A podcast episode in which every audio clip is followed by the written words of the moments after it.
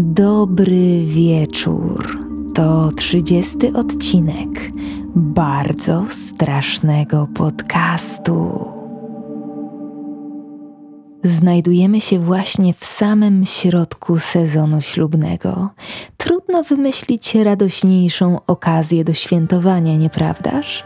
Krąg bliskich roztańczony wokół młodej pary, rytmiczne brzmienia, pyszne jedzenie, rozmowy, wzruszenia i wreszcie miłość unosząca się w wakacyjnym wieczornym powietrzu. Czegóż chcieć więcej?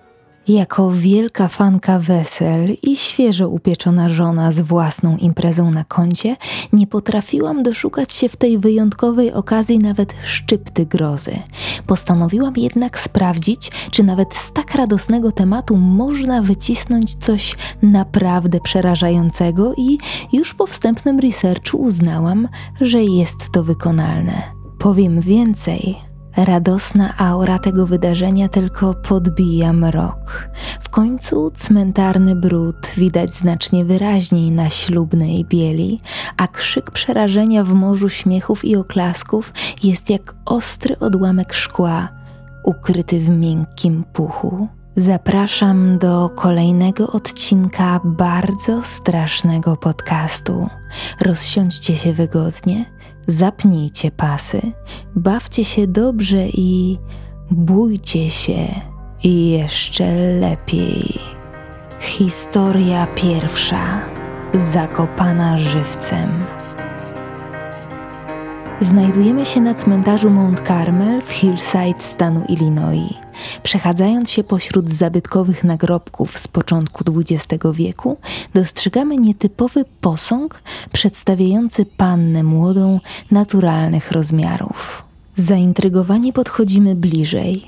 Jej twarz jest spokojna, spojrzenie tęskne, jakby wypatrujące czegoś w oddali. Zerkamy na ozdobne litery umieszczone na płycie nagrobka. To Julia Bukola, która w 1920 roku poślubiła Matthew Pette w parafii Świętego Różańca. Ten dzień miał być początkiem wspaniałej wspólnej historii, ale ich radość nie trwała długo. Dziewięć miesięcy później Julia umarła podczas porodu. Wedle tradycji została pochowana w białej sukni, w której jeszcze niecały rok temu stała dumnie na ślubnym kobiercu. Od momentu jej pogrzebu matkę Julii, Filomenę, nawiedzały okropne koszmary. Kobieta twierdziła, że niemal każdej nocy nawiedza ją zmarła córka, która w kółko i w kółko powtarza, że została pochowana żywcem i pragnie wolności.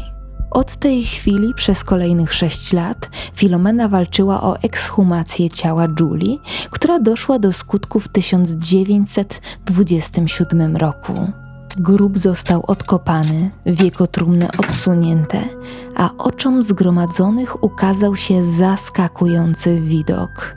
Ciało młodej kobiety, ubrane w białą, bogato zdobioną suknię, zdawało się być nietknięte przez nieubłagany czas, tak jakby Julia tuż po ceremonii zaślubin postanowiła uciąć sobie krótką drzemkę.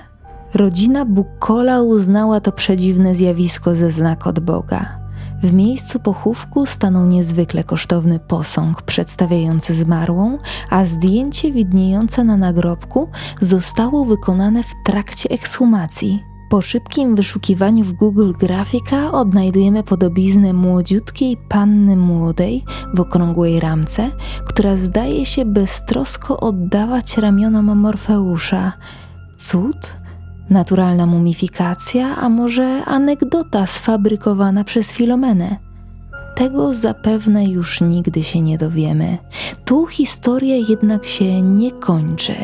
Wielu mieszkańców tamtejszych okolic donosi, że późną porą, przechadzając się cmentarnymi alejami, można dostrzec sylwetkę panny młodej, błyskającej bielą z pomiędzy szarych, zabytkowych nagrobków. Inni zaś mówią o słodkim zapachu świeżych róż, który unosi się w okolicach jej grobu, pomimo tego, że w zasięgu nie ma żadnych żywych kwiatów. Inna historia opowiada o małym chłopcu, który pewnego dnia zaginął i został odnaleziony cały i zdrowy na cmentarzu Mont Carmel w towarzystwie ciemnowłosej kobiety w ślubnej bieli, trzymającej go kurczowo za rękę. Kiedy chłopiec zauważył swoich rodziców, kobieta rozpłynęła się w powietrzu. Historia druga przeklęta suknia. Znalezienie odpowiedniej sukni ślubnej to nie lada wyzwanie. Zwykle mijają tygodnie, a nawet miesiące, zanim znajdzie się te, której wreszcie powie się tak. Bohaterka tej historii chciała znaleźć dla siebie wyjątkowy strój, który jednak zmieści się w jej niewielkim budżecie. W końcu sprzedawczyni jednego z salonów zaprezentowała jej piękną suknię, która przez fakt, iż była towarem zwróconym do sklepu, znacznie straciła na swojej wartości. Śnieżno-biała biel falbany, które przy obrotach falowały niczym morskie fale i krój, w którym ciało przyszłej panny młodej leżało jak dłoń w rękawiczce. Czysty ideał. Kobieta bez wahania postanowiła dokonać zakupu. Wreszcie nadszedł ten dzień. Piękna panna młoda stanęła w śnieżnej bieli przed ołtarzem, jeszcze nieświadoma, że od wieczności dzielą ją już tylko godziny. Podczas weselnej zabawy straciła przytomność, a chwilę później już nie żyła. Mieszanka rozpaczy, histerii i ostatnich dźwięków weselnej melodii wypełniała teraz całą salę. Jak to się stało? Co zawiniło? Skrywana choroba, ślubny przesąd, klątwa? Powód okazał się być przyziemny, choć osobiście uważam, że znacznie bardziej mroczny. Sekcja zwłok wykazała, że kobieta zatruła się trupim jadem, który przedostał się do jej krwiobiegu wraz ze skaleczeniem przez suwak nieszczęsnej sukni. Zapytacie, jak to możliwe? Skąd trup jad? Jak się okazało, suknia została wykradziona z grobu, zdarta ze zwłok i sprzedana do salonu, w którym jeszcze kilka tygodni wcześniej pewna panna młoda postanowiła zapłacić za nią życiem. Historia trzecia La Pasquelita. W 1930 roku w niewielkim meksykańskim miasteczku w witrynie sklepu z modą ślubną stanął nowy manekin. Od samego początku jego widok wywoływał w miejscowych zimny dreszcz i nieodparte wrażenie, że kobieca figura naturalnych rozmiarów do złudzenia przypomina prawdziwego człowieka. Co gorsza, jej twarz wydawała się być dziwnie znajoma. Cień podejrzeń od razu padł na właścicielkę sklepu, której córka zmarła chwilę przed własnym ślubem. Podobieństwo jest widoczne gołym okiem. Ocenić możecie sami. Link dla odważnych zostawiam w opisie odcinka. Niedługo później mieszkańcy, ale również pracownicy salonu ukuli teorię, że manekin wcale nie jest tym, czym zdaje się być na pierwszy rzut oka. Według niej było to ciało zmarłej córki właścicielki sklepu, zmumifikowane w taki sposób, by czyniło wrażenie dzieła ludzkich rąk. A skoro przy rękach już jesteśmy, a ściślej mówiąc dłoniach, to właśnie one wzbudzają największe emocje. Wyglądają jak pomalowane farbą, przez którą gdzie niegdzie przebija trupia szarość martwej skóry. Linie papilarne, zagięcia w wewnętrznej części dłoni, paznokcie, wszystko tak prawdziwe, organiczne, niepokojąco ludzkie, że sama nie mogłam oderwać oczu od fotograficznej dokumentacji tej dziwacznej rzeźby. Latami klienci i pracownicy sklepu twierdzili, że oczy manekina podążają za nimi, a ciało lalki zmienia niepostrzeżenie swoją pozycję. Do dziś istnieje duża grupa osób, która twierdzi, że niepokojący manekin jest w istocie mumią zmarłej panny młodej, zastygłej w delikatnym uśmiechu. To jednak nie koniec lokalnych legend związanych z tym niezwykłym eksponatem. Część mieszkańców twierdzi, że Lapa Schelita jest w istocie manekinem, który jednak zaczął przybierać ludzką formę na skutek zaklęcia. Według tej legendy podobizna młodej kobiety urzekła pewnego francuskiego magika, który postanowił powołać ją do życia. Niektórzy mieszkańcy widzieli, jak mężczyzna tańczy z martwą kukłą lub wędruje w jej towarzystwie ciasnymi uliczkami. W ten sposób manekin przybrał niepokojąco ludzką formę i do dziś budzi przerażenie, podziw i miliony domysłów wśród mieszkańców i turystów pewnego meksykańskiego miasteczka. Historia czwarta Zaginiona. Zabawy weselne to nieodzowny element ślubnej tradycji na całym niemal świecie. Od atrakcji głęboko zakorzenionych w folklorze, po mało wyszukane wygibasy, rozmaite gry bawią weselników jak świat długi i szeroki. Na pewnym weselu młoda para i zaproszeni goście zdecydowali zagrać w chowanego.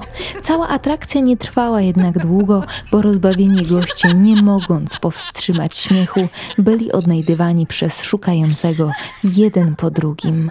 Po krótkim czasie prawie wszyscy zgromadzili się w sali. Wszyscy oprócz panny młodej. Według legendy ta chciała zabawę wygrać za wszelką cenę. Swój dom rodzinny, w którym odbywało się wesele, znała jak własną kieszeń, więc wraz z odliczaniem ruszyła schodami na strych, w którym stała wielka stara skrzynia. Kryjówka wydawała się być doskonała. Mijały kolejne sekundy, minuty, godziny. Finalnie goście doszli do wniosku, że panna młoda, korzystając z zamieszania, postanowiła odpocząć od weselnego gwaru, zaszywając się w swojej sypialni. Ta jednak nie pojawiła się na przyjęciu już do samego końca, ani długo po nim. Mówiąc ściślej, już nigdy. Po długich poszukiwaniach uznano ją za zaginioną. Jedni twierdzili, że rozpłynęła się w powietrzu, inni zaś, że z pewnością uciekła, przerażona wizją małżeństwa. Kilka lat później ojciec kobiety wszedł na strych w poszukiwaniu pamiątek po jego niedawno zmarłej żonie. Pewnej chwili, na samym końcu przepastanego pomieszczenia, zauważył skrzynię z dawno już zardzewiałym zamkiem. Z miejsca uznał, że muszą znajdować się w niej pamiątki po zmarłej ukochanej, ale zamiast nich w skrzyni znajdowało się zastygłe w cierpieniu, rozkładające się ciało jego córki, dla której najradośniejszy dzień w życiu okazał się tym ostatnim. Historia piąta ślub duchów. Ostatnia opowiastka nie będzie kolejną legendą, ale opisem pewnej tradycji trwającej na terenie Chin od przeszło trzech tysięcy lat. Według tamtejszych wierzeń samotna za życia osoba po śmierci nęka swoją rodzinę jako gui, czyli niespokojny duch. Aby się przed nim chronić, bliscy często decydują się na pośmiertne śluby. Tak, dobrze słyszycie, a będzie tylko ciekawiej. Małżeństwo zawierane jest między dwojgiem zmarłych, którzy wprawdzie nie znali się za życia, ale teraz, za sprawą obopólnej decyzji rodzin, w symboliczny sposób stają na ślubnym kobiercu.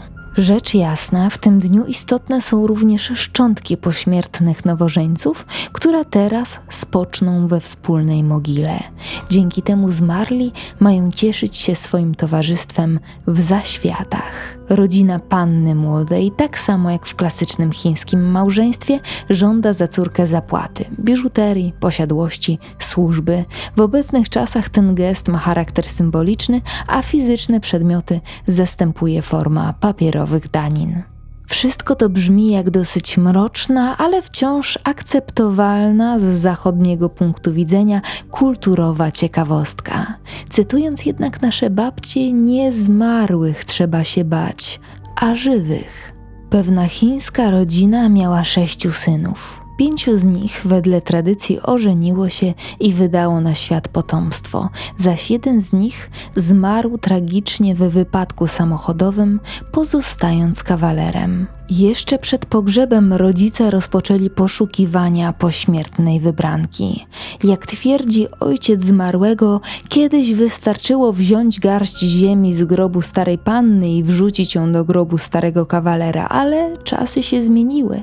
Teraz trzeba zdobyć świeże ciało. Pewnego dnia pod ich domem pojawił się zamówiony swat duchów w towarzystwie zmarłej panny młodej.